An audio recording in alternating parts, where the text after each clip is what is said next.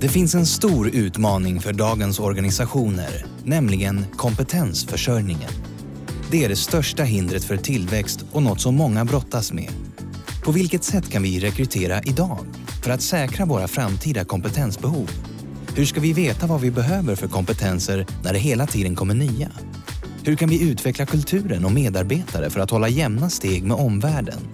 Hur ska vi attrahera talanger när det inte längre räcker med generös kompensation? Och hur vill vi jobba i framtiden? Och hur kan vi organisera arbetet på bästa vis? Brukar du också fundera på detta? Eller känner du att du borde ägna mer tid åt dessa frågor? I så fall har du kommit rätt.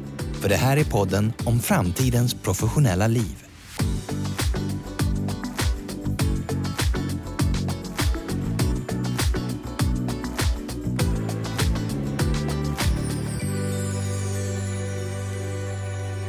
Hej och varmt välkomna till podden om framtidens professionella liv. Idag ska jag, Karin Etzell och Kristina Hammer prata om en betydelsefull del av framtidens professionella liv, nämligen framtidens ledarskap. Närmare bestämt ledarskapet vad gäller tjänstemän i offentlig och privat sektor i femte industriella revolutionen. Inte illa. Nej, verkligen inte. Och det här avsnittet har inte ett Snillen spekulerar helt fritt upplägg, utan vi kommer att berätta lite övergripande om de mest spännande insikterna som framkommit i en väldigt omfattande rapport som vi, alltså Hammer och Hamborg och Jurek, beställt på temat. När vi spelar in det här i början av 2023 har vi ännu inte släppt rapporten, utan den kommer att finnas tillgänglig i sin helhet på vår webb senare under våren. Men tills dess ger vi er nu en liten sneak peek på de främsta insikterna. Och jag kan bara säga, om ni inte känner att ni har stenkoll på det här med de industriella revolutionerna så behöver ni inte känna stress över det. Vi kommer att bena upp det alldeles strax. Men först, Kristina, kan väl du berätta lite om bakgrunden till den här rapporten och hur den är framtagen? Ja, vi lever just nu i en väldigt omtumlande tid. Eh, vi är, befinner oss fortfarande delvis i en pandemi. Det är krig i Ukraina. Eh, vi står inför en global uppvärmning, energibrist och dessutom en, en ekonomisk kris som påverkar oss alla. Och den här typen av problem brukar kallas för elaka problem. Och det är problem som inget land, än mindre än en organisation, kan lösa på egen hand. Men det här är problem som framtidens ledare måste kunna hantera. Och det kommer såklart att krävas helt nya egenskaper hos ledare när vi nu går mot vad många kallar för den femte industriella revolutionen. Och vi har ju under många år själva gjort undersökningar. Jag tror att det är nu en 10-15 år åtminstone. Men den här gången har vi tagit hjälp av Peter Majanen på Quattroporte för att spana in i framtiden. Hur kommer framtidens ledarskap att se ut? Hur behöver dagens ledare rusta sig för framtiden? Och för att komma fram till det här så har vi använt oss av tre huvudsakliga informationskällor.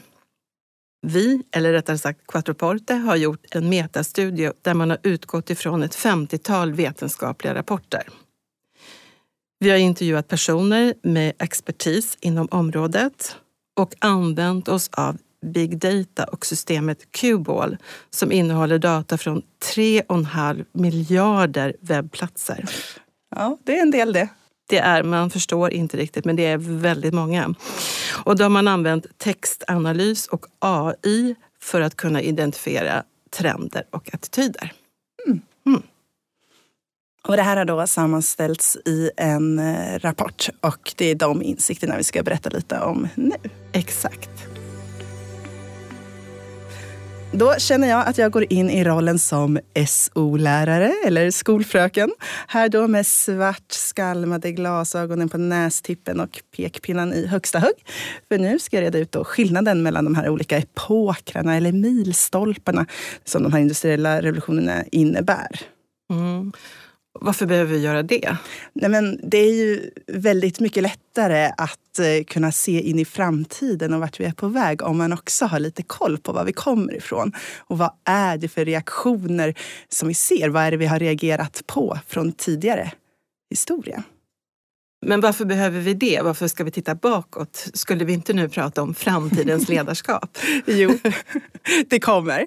Vi ska absolut fokusera på framtidens ledarskap. Men en kort liten resumé och tillbakablick på historien för att förstå vart vi är på väg och vad vi ser för reaktioner, vad vi reagerar på i historien. Så den första industriella revolutionen, eller den industriella revolutionen som man brukar prata om, den startar ju när vi lämnar bondesamhället och markerar starten på industrialismen i 1700-talets England. Och vi arbetsmyror, vi går från att ha jobbat ute på fälten till stadens fabriker. Eh, det tekniska skiftet som gör det här möjligt är ju ångteknik och i nästa tekniksprång så kommer både förbränningsmotorer och elektriciteten som skapade förutsättningar för massproduktionen. Men som du säger Kristina, det här är inte en historiepodd och temat är faktiskt inte dåtidens ledarskap. Så jag tänkte att jag eh, skonar er från djupare detaljer kring ledarskapets vedermödor i första och andra revolutionen.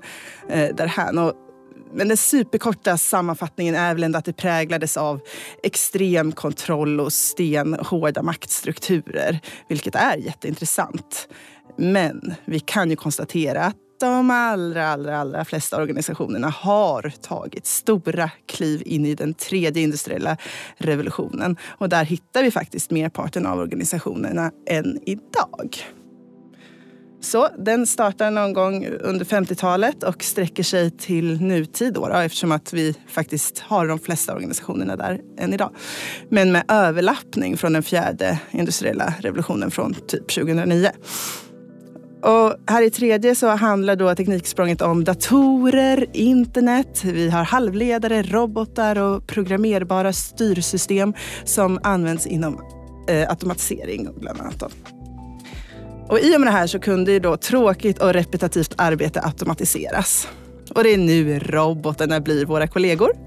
De kom in på arbetsmarknaden och tog över de här monotona och förutsägbara arbetsuppgifterna. Och här handlar ledarskapet om effektivisering och styrning. Och vi ser till exempel här Just in time production och Toyotas lean och som strävar bara efter att maximera kundnytta och minimera resursslöseri genom rationella, effektiva organisationer som fungerar som maskinerier. Och det här är inte heller bara relevant inom industrin utan finns överallt ifrån privat tjänstesektor och översätts också till new public management i vård, skola och omsorg. Och det är verkligen intressant hur patienter blev kunder och pinnar i olika mätsystem för att effektivisera så mycket som möjligt.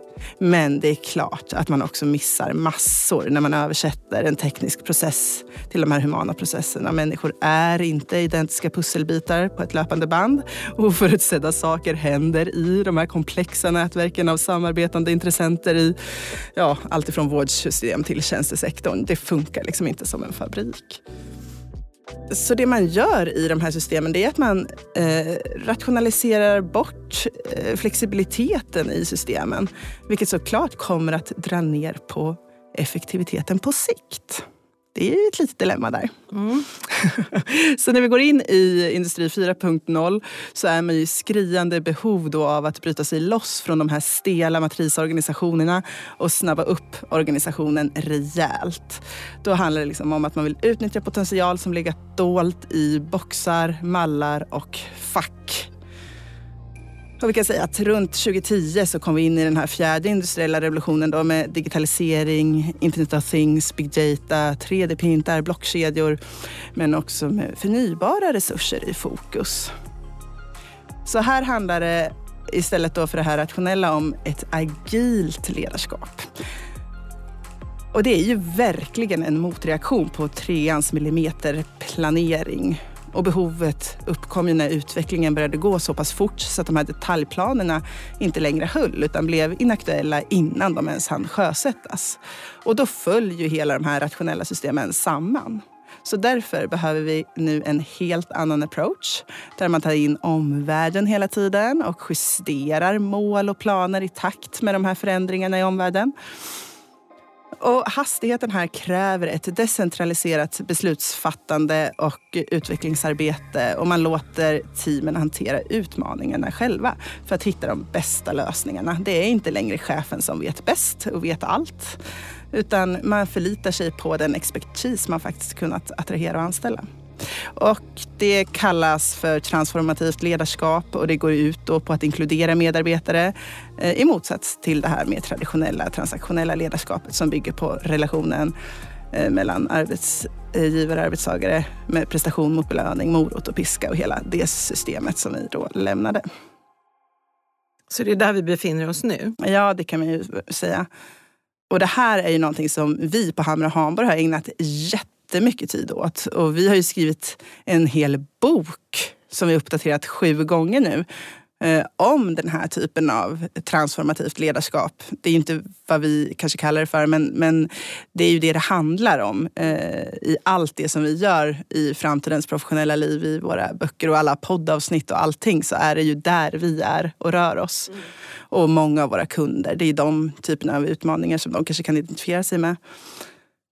Och här kommer det in då alla de här värdena som vi fokuserar så himla mycket på, vi och våra eh, kunder. De med motivation, kultur, inkludering, autonomi, självledarskap har vi grävt så mycket i våra undersökningar på längden och tvären och hur pandemin påverkade självledarskapet och vad som har hänt där. Eh, så allt det här som inte så lätt låter sig förklaras i rationella termer men som ändå har en oerhört stor påverkan på vinst och resultat. För att i grunden så handlar ju allt om att kunna attrahera och behålla medarbetare. Och talang är liksom det största hindret för tillväxt i alla branscher fortfarande och det bara blir värre. Så den här tiden när vi har superspecialiserade nischade roller och det personliga varumärket och nätverket hos varje individuell medarbetare är avgörande för att lyckas i många roller så handlar ju allt om att få medarbetare att må så bra som möjligt, för att de ska vilja stanna och vara engagerade i sitt arbete. Och då kommer man ju inte så långt med de här fyrkantiga processerna utan det krävs mycket mer för att kunna möta medarbetares behov. Ja, vi ser ju att inom vårt specialistområde så blir ju rollerna allt mer specialiserade och vi rekryterar idag till roller som vi inte gjorde för två år sedan. Och sannolikt kommer vi om två år att rekrytera till roller som vi inte ens vet vad de innebär idag. Nej, exakt. Och då gäller det verkligen att ha ett riktigt bra arbetsgivarvarumärke och ett riktigt bra värde till medarbetaren att kunna erbjuda för att mm. kunna attrahera de här talangerna som knappt ens finns till hands idag. Då. Exakt, som kanske inte ens har utbildats ännu. Precis.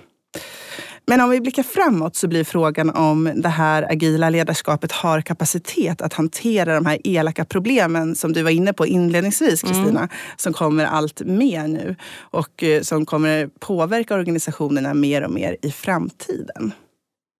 Och det är här vi kommer in på det här med Industri 5.0. Det är något man definierat på förhand det har inte hänt än, utan man pratar ju nu om framtiden och bara det känns lite symptomatiskt för vår tid. Vi, liksom många andra, pratar ju gärna om framtiden. Det älskar vi att prata om. vi älskar att prata om framtiden i vår tid. Eh, så att tidigare så har vi definierat de här teknikskiftena och de här sprången, milstolparna, när det har hänt. Vi kan se tillbaka eh, på järnåldern eller industri 1.0 eller 2.0 och så konstatera att just det, elektriciteten gjorde att vi tog oss vidare från ångan och det liksom gav massproduktion och hände jättemycket intressanta grejer med organisationerna. Men nu fördefinierar vi alltså Industri 5.0, vilket är jätteroligt bara det. Jag tänker att man kan se Industri 5.0 som en konsekvens av att vi utarmat planetens resurser och våra personella resurser. Vi har dragit vår konsumtion verkligen till sin spets de senaste åren. Eh, och om alla skulle leva till exempel då så som vi gör i Sverige så skulle vi behöva fyra jordklot. Mm. Och för att hinna producera allt det här så jobbar vi mer än någonsin. Vilket går helt emot alla beräkningar och prognoser som gjordes då när man insåg hur robotar skulle komma och ta över vårt arbete. Eh, men det fick ju inte alls den effekten. Vi jobbar inte mindre. Vi jobbar mer än någonsin och har en semesterlag fortfarande från 70-talet. Och man har pratat om sex timmars arbetsdag hur länge som helst och medborgarlön länge. Men vi höjer standarden och det utformas nya jobb i nya sektorer. Och det är ju mycket det som vi rekryterar till. Det fanns ju som du säger inte ens på kartan för två år sedan eller liksom ännu mindre för 15 år sedan när man försökte göra de här prognoserna. Uh, det är ju väldigt svårt att förutse hur många nya jobb som skulle komma i och med digitaliseringen. Uh, när man då gjorde de där prognoserna över hur mycket av industrins arbete som skulle komma att skötas av robotar och AI. Då tog man liksom inte hänsyn till alla de här nya branscherna Nej. som har kommit. Så antalet plattformar och kanaler som vi kommunicerar med målgrupper och bygger relationer, ja det är ju det också. Vi bygger relationer liksom, med målgruppen och med ett varumärke. Eh, allt innehåll som ska produceras till exempel, titta bara på oss här idag. Vi är ett rekryteringsföretag faktiskt i grunden. Inte ett produktionsbolag eller ett förlag. Eh, och det måste ju ha varit jättesvårt för dig, Kristina och Åsa som tillsammans grundade Hammar och Hanborg som var ett rekryteringsföretag då för 30 år sedan, att mm. vi skulle sitta och producera innehåll och sprida. Nej, det fanns ju inte. Speciellt som vi startade innan ens internet fanns. så var det faktiskt omöjligt att föreställa sig det. Ja, men det är inte bara vi, utan det här är ju liksom ett nytt arbetsliv verkligen. Mm. Med, med, nya arbetsuppgifter som har kommit. Ja, det här var en liten utsvävning. Men mm. nu har man i EU och bland forskare börjat prata om framtiden som industri 5.0. Och det kommer lite ur den här japanska visionen om ett samhälle 5.0 där digitaliseringen ska hjälpa oss att hantera eh, elaka problem. Då. Och man anser att den fjärde industriella revolutionen vare sig adresserar klimatmål eller arbetande människors välmående och sysselsättning i tillräcklig utsträckning. Så här har hållbarhet i både bemärkelserna miljömässig och social fått en mer avgörande roll. Vi har samma teknologiska förutsättningar som i fjärde industriella revolutionen. Men hur de används och vad som är deras syfte är nytt i Industri 5.0. Det är alltså en nödvändig vidareutveckling av eh, 4.0 till följd av de här utmaningarna vi ser i omvärlden. Då. Och i tre punkter kan man säga att femte generationens industri utgår från hållbarhet på alla plan, produktion som ska respektera vår planets gränser. Låt den sjunka in och tänk på konsekvenserna av det. Mm. Och sen medarbetarnas välbefinnande är i centrum. Men då undrar man ju lite grann, rör sig organisationer och ledare i takt med de här förändringarna i omvärlden? Jag undrar lite grann hur många företag befinner sig i den här tredje, fjärde och respektive femte industrin? Ja, precis som vi var lite inne på där. Ettan, tvåan har ju alla lämnat. Vi har ju merparten, typ kanske 80 procent i tredje. Många försöker röra sig mot den fjärde och säga att typ 20 procent är där och nästan inga har ju kommit till det här den femte. Det är ju ytterligare ytterst, ytterst få eh, mm. som verkligen har tagit steget fullt ut och anammat den här femte eh, generationens industri. Om man då tänker på hållbarhet på alla plan, om det verkligen ska vara det. Om det ska vara produktion som respekterar planetens gränser på riktigt och om medarbetarnas välbefinnande verkligen är i centrum. Det är klart att det finns vissa organisationer som tickar i alla de här boxarna och jobbar stenhårt på det och som startas utifrån att kunna funka på alla de här punkterna. Men det är ju försvinnande få om man tittar på liksom helheten. Så du menar alltså att de allra flesta befinner sig fortfarande i industri 3.0? Ja. Mm.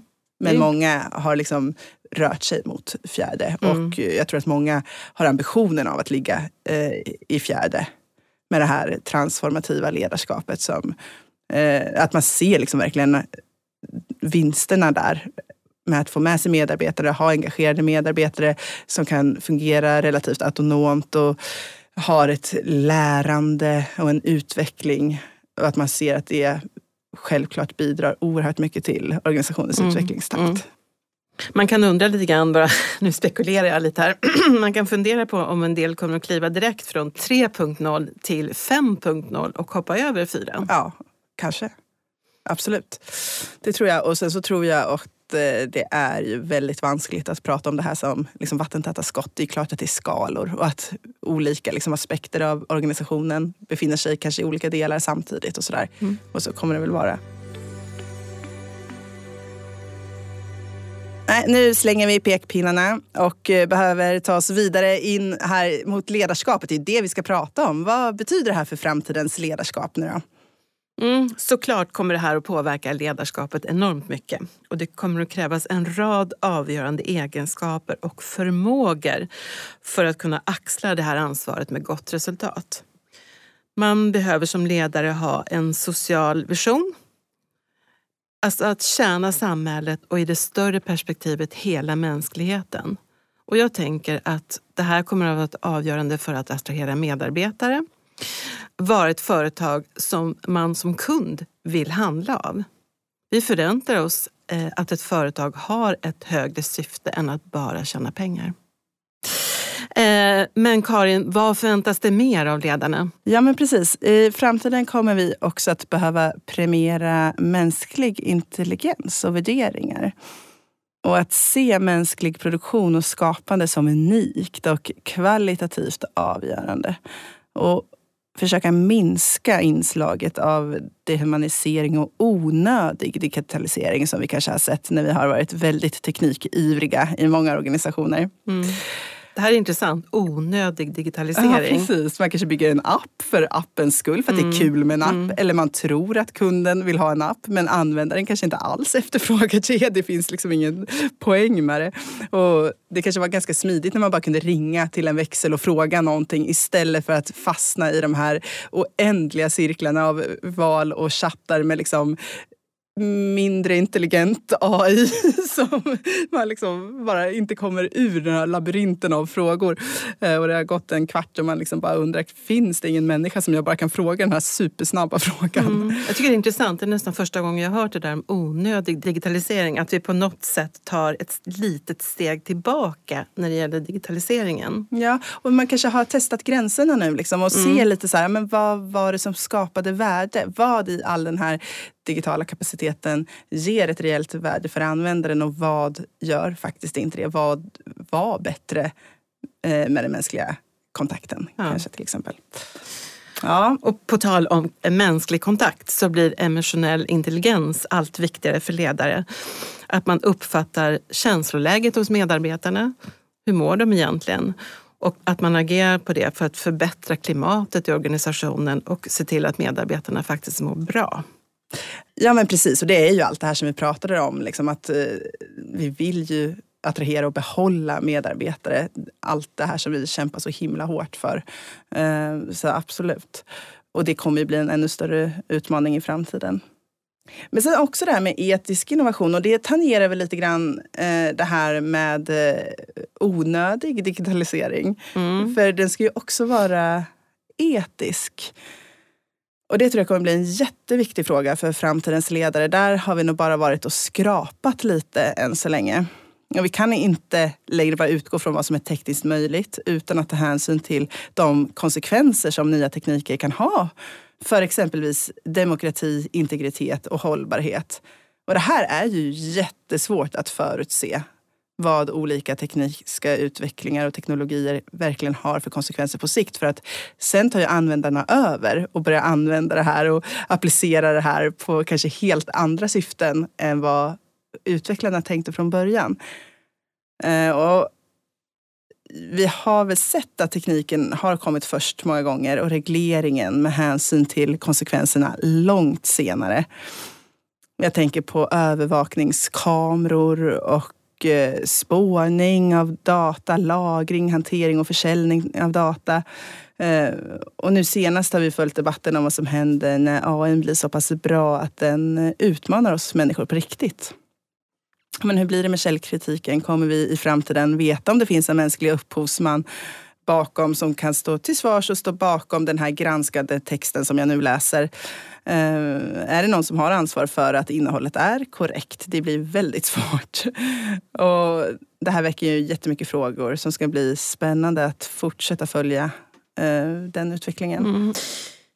Jag tänker de miljöhot vi står inför, där är ju lösningen på dem är ju väldigt mycket etisk innovation. Ja, exakt.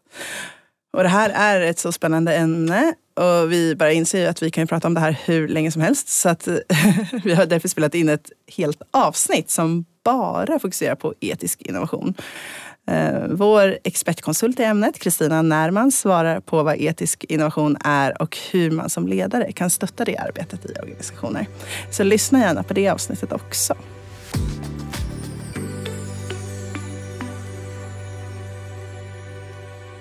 Men nu först nästa punkt på vad som blir viktigt i framtidens ledarskap. Mm. Um, en ledare behöver gå från shareholder-perspektivet till stakeholder-perspektivet. Det kommer inte att räcka att göra aktieägarna glada utan en ledare måste se till fler perspektiv och fler stakeholders än dem. Ja, och det är väl precis det här som du var inne på med social vision. Att kunder och andra intressenter förväntar sig mer än liksom ett monetärt syfte för en verksamhet. För att man vill stå bakom vara kund eller medarbetare eller samarbetspart till en verksamhet. Ja, exakt. Sen så har vi också det här med resiliens och det tycker jag att det har varit jättemycket prat om eh, under pandemin framförallt. tycker jag många pratade om det i den världen som jag befinner mig i i alla fall. Eh, min lilla filterbubbla. Men mycket prat om vår egen resiliens. Alltså vi ska hantera stress, hantera osäkerhet och otrygghet i de här tiderna, då till exempel pandemin som vi hade. Och mindfulness appar, kurser, eh, yoga och sånt bara har ju exploderat eh, för att då bygga upp vår resiliens för att hantera otryggheten som vi kan uppleva i livet när allting snurrar på väldigt snabbt. Men här handlar det istället om att bygga upp organisationens resiliens och motståndskraft mot de här elaka problemen som är omöjliga att hantera mm. för en ensam organisation. För det känns som att de kommer vi att få leva med framåt på ett helt annat sätt än vad vi har gjort hittills. Exakt. Ja, och hur gör man då det? Liksom bygger upp en organisations resiliens mot elaka problem. Det är ju liksom lättare sagt än gjort. Men jag tänker på att det handlar om att liksom analysera verkligen vilka svaga punkter man har i organisationen och vilka risker man kan se framför sig. Och det blir viktigare att ha stenkoll på det här. Att vara förberedd på en rad olika scenarier och vara beredd på och ha resurser för att kunna hantera flera olika kriser samtidigt. Mm. Och det här blev ju liksom smärtsamt uppenbart när vi följde ja, våra myndigheters kamp i pandemin. Liksom när man blir tagen på sängen så. Och vi inser att allt det här med just in time och, och ja. allt där, det, är liksom, det funkar inte så himla bra. Utan nu behöver man planera eh, framåt på ett annat sätt. Ja, vi har sett hur kriserna avlöst varandra nu och beklagades över att precis när pandemin var lite mer under kontroll så påverkas vi av ett krig i vårt närområde. Och nästa gång kanske de här kriserna kommer precis samtidigt. Sammanfattningsvis kan man säga att framtidens ledarskap kan liknas med ett statsmannaskap.